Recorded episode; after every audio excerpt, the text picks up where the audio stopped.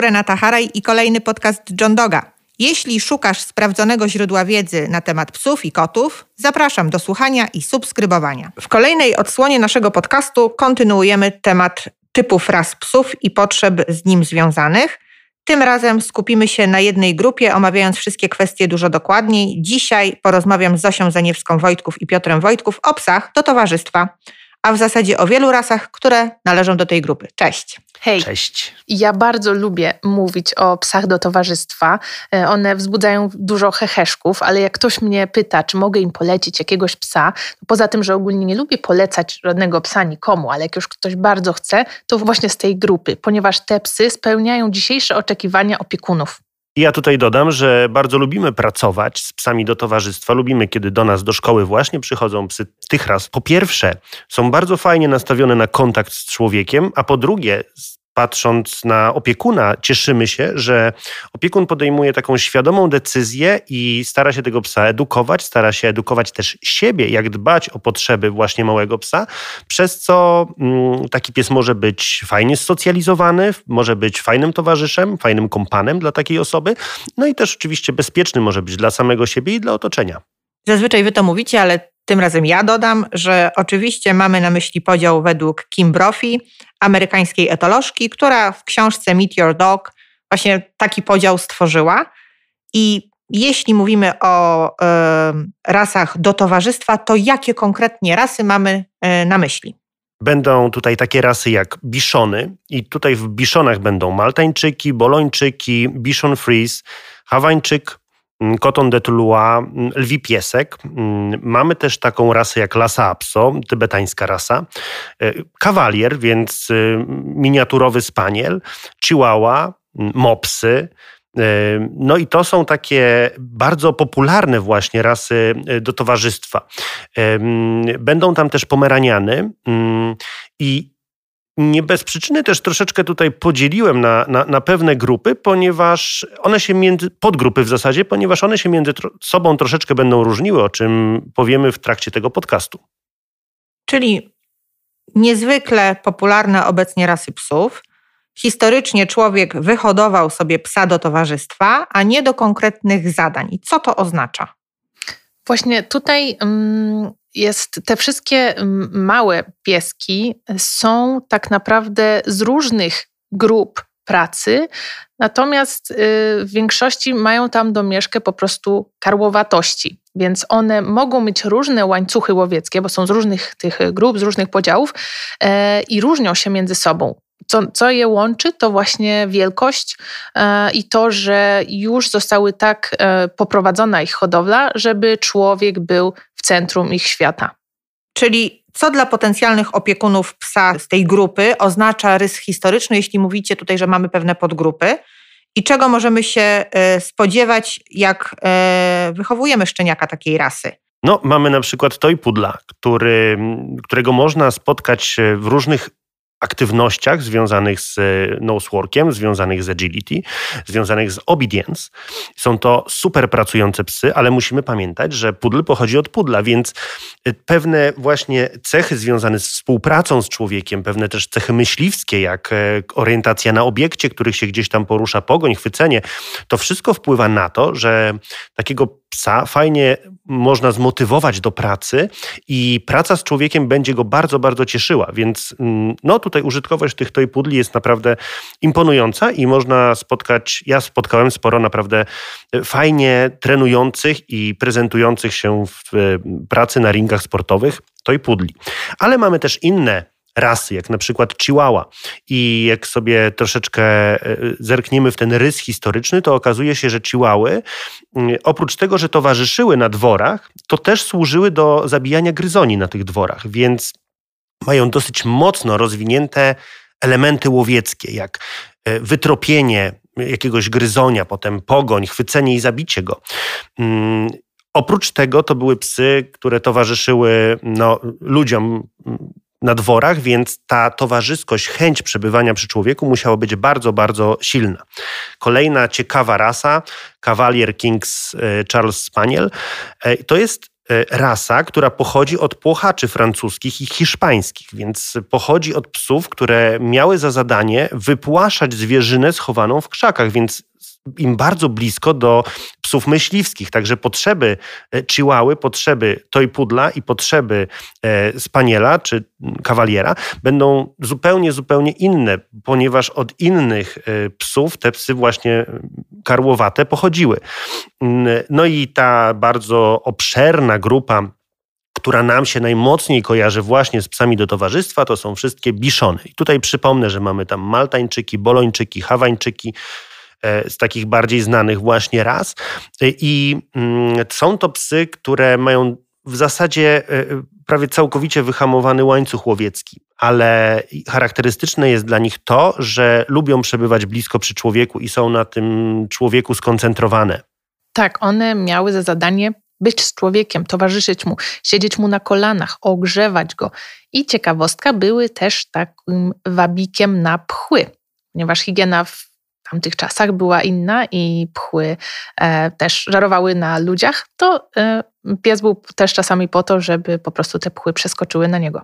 Czyli mamy dość niejednorodną grupę, bo tak z jednej strony mm -hmm. są mhm. takie psy, y, które rzeczywiście można spotkać w innych grupach, tak? Czyli na przykład w grupie psów myśliwskich, a z drugiej strony mamy też takie psy typowo do towarzystwa. Tak, na przykład Pekinczyk, który e, taki mały lewek, E, który miał się mieścić do rękawa cesarza, żeby był przy nim, więc miały być tak malutkie, żeby właśnie mogły towarzyszyć mu cały czas.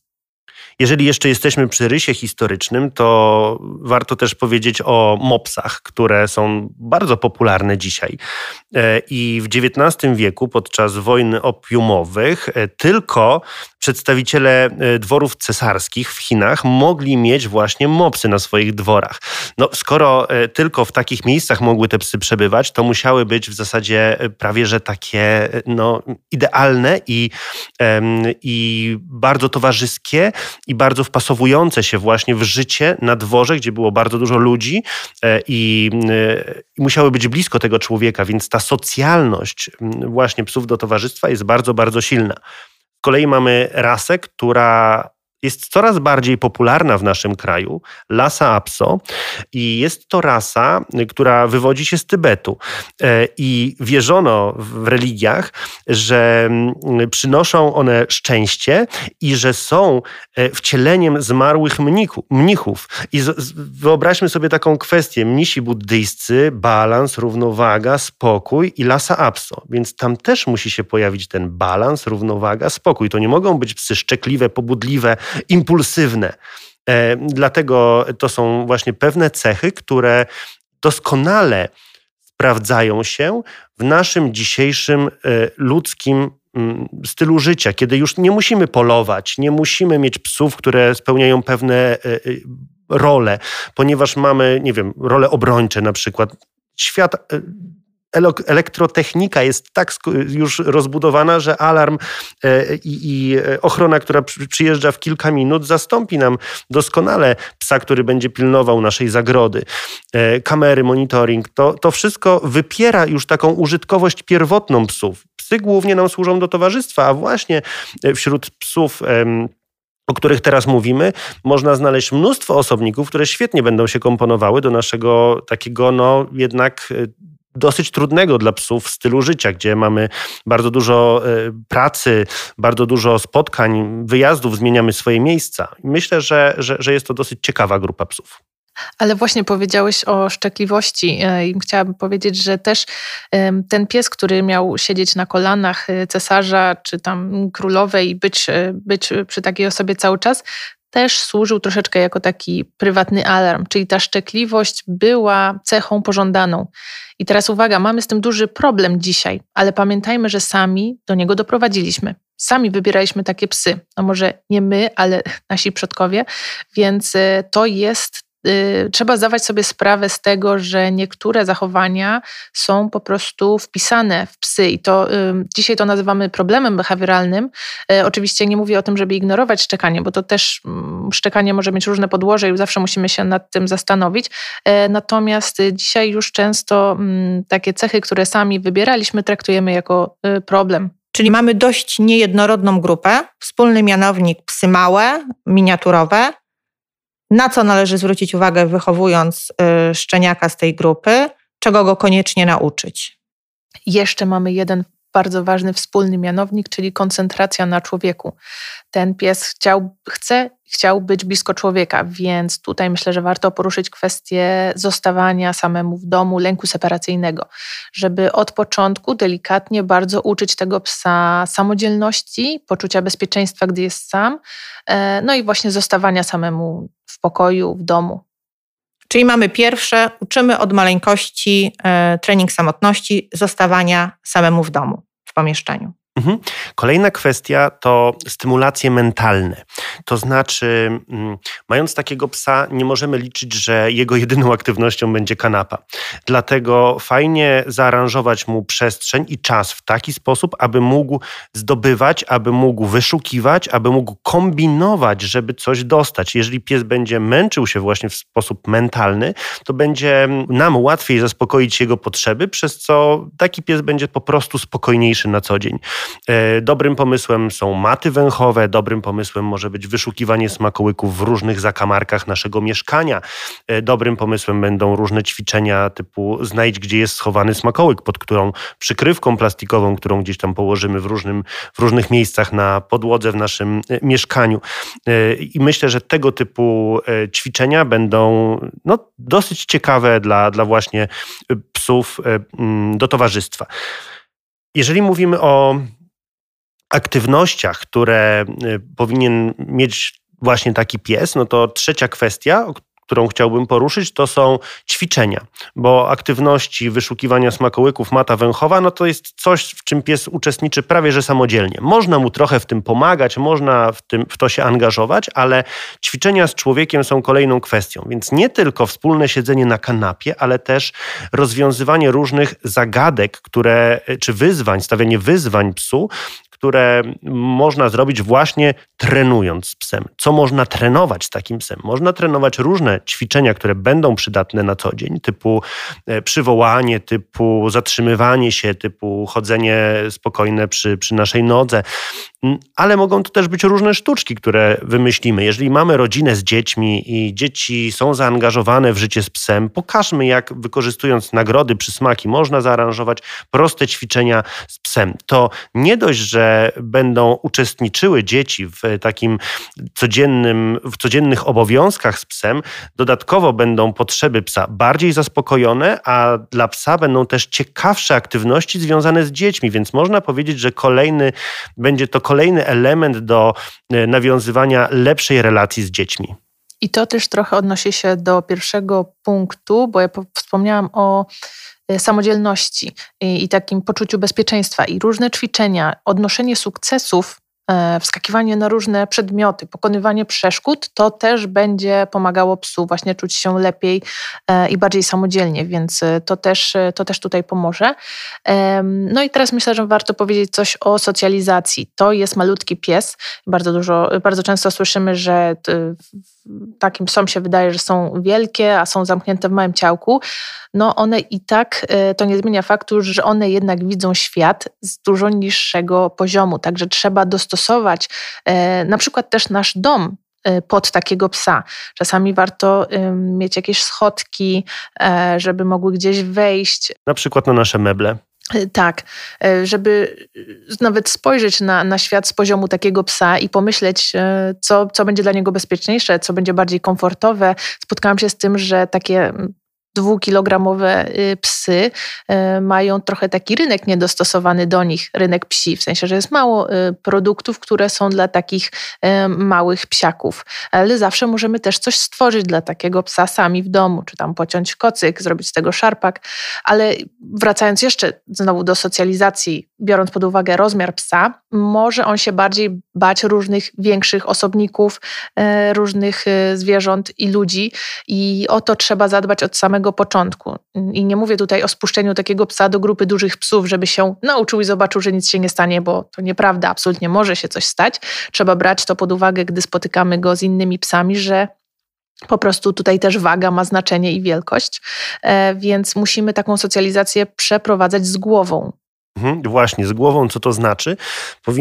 Bo dla psa małej rasy intensywny labrador czy intensywny owczarek, który do niego podbiegnie, może wywołać traumę na całe życie. To znaczy, pies może się tak wystraszyć e, takiej sytuacji, że w przyszłości, widząc większego psa, od razu może reagować na przykład oszczekiwaniem, bo takie obrazki y, no, często można zobaczyć, y, czy, czy w zasadzie to jest chyba jeden z takich głównych kłopotów, y, z którym borykają się opiekunowie psów ras małych.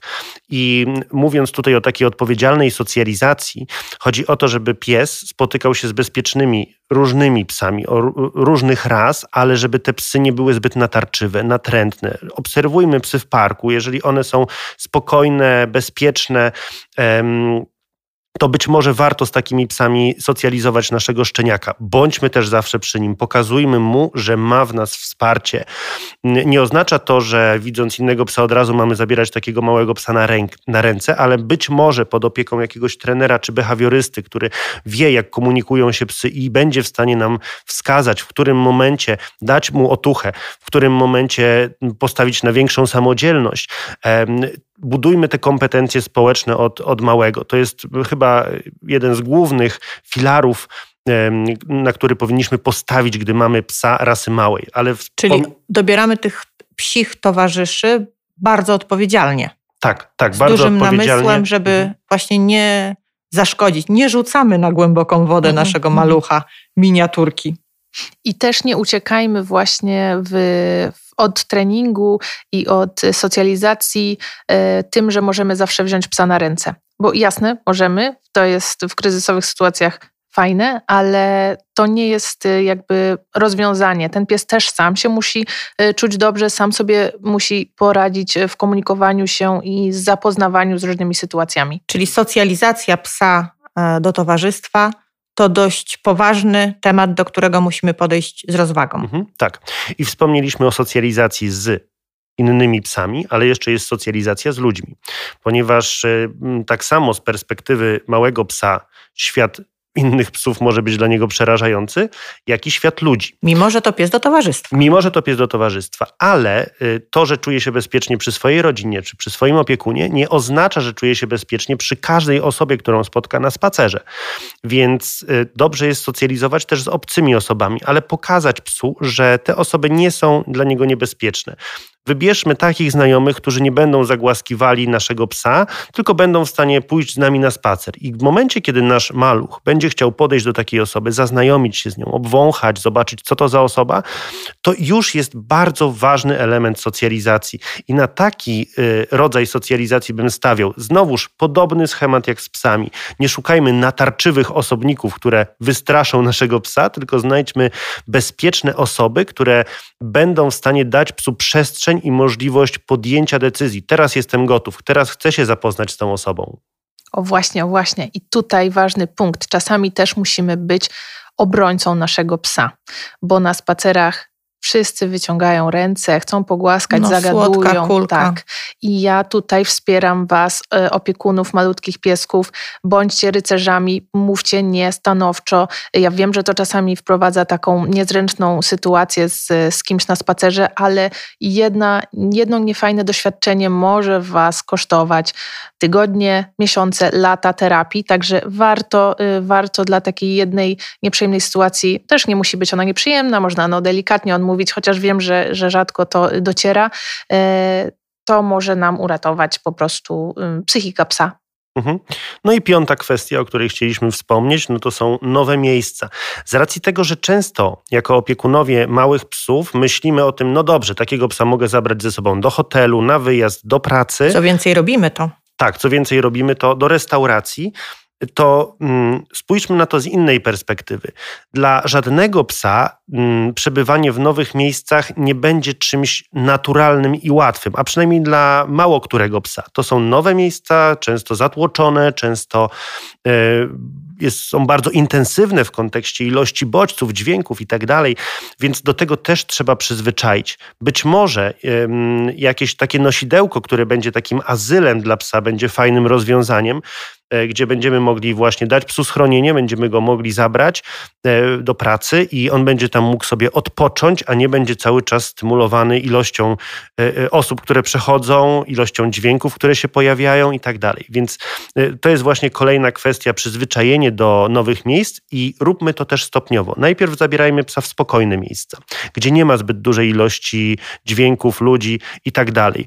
Potem zabierajmy go e, w troszeczkę trudniejsze miejsca, ale w równolegle też dobrze na przykład przyzwyczaić do tego nosidełka, żeby pies wiedział, że zawsze, gdy ma E, sytuację kryzysową, to może się schować do tej swojej bezpiecznej norki.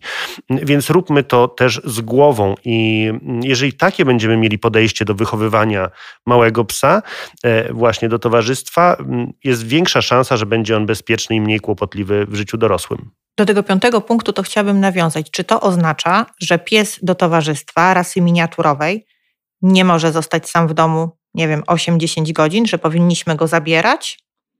dobrze by było brać pod uwagę nasz tryb życia, gdy wybieramy sobie psa do towarzystwa, bo rzeczywiście to nie jest pies, który dobrze będzie się czuł siedząc 10 godzin codziennie sam w domu. Fajnie by było, y, jeżeli y, mamy możliwość zabrania go do pracy, gdzie mamy mm, też gdzie też on będzie miał jakiś swój spokojny kącik, albo jeżeli może mamy home office, to, to y, możemy na przykład pół na pół spędzać trochę więcej czasu w domu niż w pracy, więc tak, ten pies potrzebuje człowieka, e, tak jak też zresztą każdy, no ale szczególnie tutaj trzeba na to zwrócić większą uwagę. A czy towarzystwem dla takiego psa będzie inny pies, na przykład też do towarzystwa, czy to musi być człowiek? No, patrząc na historię, raczej mm, dużą uwagę zwracano na towarzyskość wobec e, ludzi, więc e, myślę, że obecność innego psa może być ważnym elementem takiego życia społecznego psa do towarzystwa, ale priorytetem powinna być obecność człowieka. Były badania przeprowadzone, e, no nawet nie tak dawno, na temat tego, czy jeden, czy, czy w lęku separacyjnym pomaga towarzystwo innego psa, i, i odpowiedź brzmi, że niekoniecznie nie ma, nie ma wcale takich um, wskazań, e, takich um, zaleceń, że, że to może, no tutaj robię cytat, za, y, ule, wyleczyć psa z lęku separacyjnego.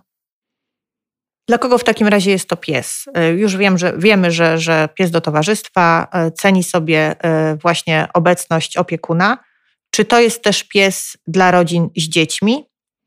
Ja Mały myślę, pies, małe dzieci. Ja myślę, że taki pies może się wkomponować w życie mm, rodziny, mm, wielu rodzin. Ale jeżeli będziemy właśnie mieli tę świadomość, że e, mamy dużo czasu, kiedy pies może być przy nas, raczej odradzałbym takiego psa, znowuż dla kogoś, kto e, bardzo dużo czasu poświęca na jakieś spotkania ze znajomymi, dużo uprawia sportu e, i nie ma go dużo w domu, a jednocześnie w te miejsca, w które wychodzi, nie może zabrać ze sobą psa. Bo jeżeli ktoś nawet pracuje, powiedzmy, w korporacji, spędza tam 8 do 10 godzin dziennie, ale może psa zabrać ze sobą i może sobie zrobić przerwę, gdzie pójdzie na godzinny spacer, to ten pies może być szczęśliwy w takim trybie życia. W, e, w rodzinie z dziećmi? Jasne, że tak. Znam mnóstwo rodzin z dziećmi, które przychodzą całymi, całymi gromadami na nasze szkolenia e, i trenują właśnie z psami do towarzystwa. I to jest super, ponieważ każdy z nich uczy się, jak e, postępować z psem, w jaki sposób dbać o jego przestrzeń, w jaki sposób dbać o jego potrzeby. Ale tylko i wyłącznie mądre podejście do mm, no, posiadania nie lubię tego słowa, ale do opieki nad, e, nad psem do towarzystwa sprawi, że mm, nasza rodzina z dziećmi będzie szczęśliwa. I Kolejna kwestia to jest przestrzeń, której potrzebuje każdy pies. Psy do towarzystwa nie są maskotkami. Jeżeli pies odpoczywa lub je, powinien mieć wtedy święty spokój. I o tym też musimy pamiętać, bo to jest kolejna pułapka, w którą można wpaść. Te psy, mając miękkie futerko i e, będąc właśnie takimi małymi psiakami leżącymi na kanapie, przyciągają uwagę dzieci. Dzieci naturalnie będą podchodziły, chciały brać na ręce, e, e, nosić, a być może w tym momencie pies sobie tego nie życzy. Być może nie chce w tym momencie, aby był zakłócany jego spokój, więc e, raczej odradzałbym e, w takich momentach e, podchodzenie do psa i no, aktywowanie go. Każdy pies w momencie, kiedy chce odpocząć, powinien mieć do tego prawo. Na ile to jest miejski pies? No, myślę, że trochę tak mm, najbardziej ze wszystkich grup, mhm. bo właśnie dostosowuje się bardzo do człowieka i czuje się przy nim dobrze, bardziej się czuje, bardziej się przywiązuje do człowieka niż do miejsca, więc gdzie ty jesteś, tam ja jestem i tam jest mój dom, e, więc może się lepiej czuć niż na przykład różne, nie wiem, stróżujące psy właśnie mhm. w mieście, ale i tak pamiętajmy o tym, że właśnie y, mają w tej grupie psy różne łańcuchy łowieckie, w związku z tym były do różnych rzeczy używane, hodowane, także różne przestrzenie też y, będą mile widziane, spacery, węszenie, oczywiście dostosowując do długości łapek e, tego psa, ale żadnego psa nie wrzucamy w, w środek y, betonowej dżungli i, i, tylko tam go zamykamy. Też, też warto pojechać gdzieś e, z takim psem i go e, dać mu powęszyć po różnych sarenkach i trawach. Tak jest, więc pamiętajmy, że eksplorowanie jest potrzebą psa niezależnie od typu. I mały pies rasy do towarzystwa świetnie może się realizować w kopaniu dołków, bieganiu w chaszczach, bieganiu w wysokich trawach. No, dla małego psa średnia trawa już jest wysoka, więc to o tym też e, trzeba pamiętać. E, I mocząc sobie łapki w kałużach i e, patrząc na wiewiórki, które go ekscytują, to też jest fajne dla takiego psa. Oczywiście nie chodzi mi o to, żeby małe psy ganiały wiewiórki i, i szczekały na nie, no bo też trzeba zachować pewne normy, tak, I, i bezpieczeństwo dla innych istot, ale chodzi nam o to, żeby też pozwolić tym psom do towarzystwa być psami, bo mm, jeżeli nie będą te potrzeby zaspokajane, to może to negatywnie wpłynąć na ich nastrój, samopoczucie, a to z kolei może się wiązać z pojawieniem się różnych problemów behawioralnych. Czyli jeśli marzymy o psie należącym do grupy psów do towarzystwa, pamiętajmy, że to jest pies, to nie jest maskotka mhm. i to nie jest nasza ozdoba. Pamiętajmy o jego potrzebach, o tym, że niekoniecznie ten pies będzie szczęśliwy, jeśli zostawimy go na 10 godzin samego w domu. Ale pamiętajmy też, ile radości może on wnieść w nasze życie, może być naszym cudnym kompanem, który doskonale będzie się czuł wszędzie tam, gdzie będzie po prostu z nami. Tak, tak. Tutaj o tych 10 godzinach jeszcze chciałbym jedną rzecz dodać. Jeżeli raz na jakiś czas zostawimy takiego psa na, na 10 godzin, to może nic, e, nic złego się nie stanie, ale jeżeli codziennie to będzie się powtarzało, to może rzeczywiście pies do towarzystwa nie jest najlepszym pomysłem dla naszej rodziny. Dziękuję bardzo. Dzięki.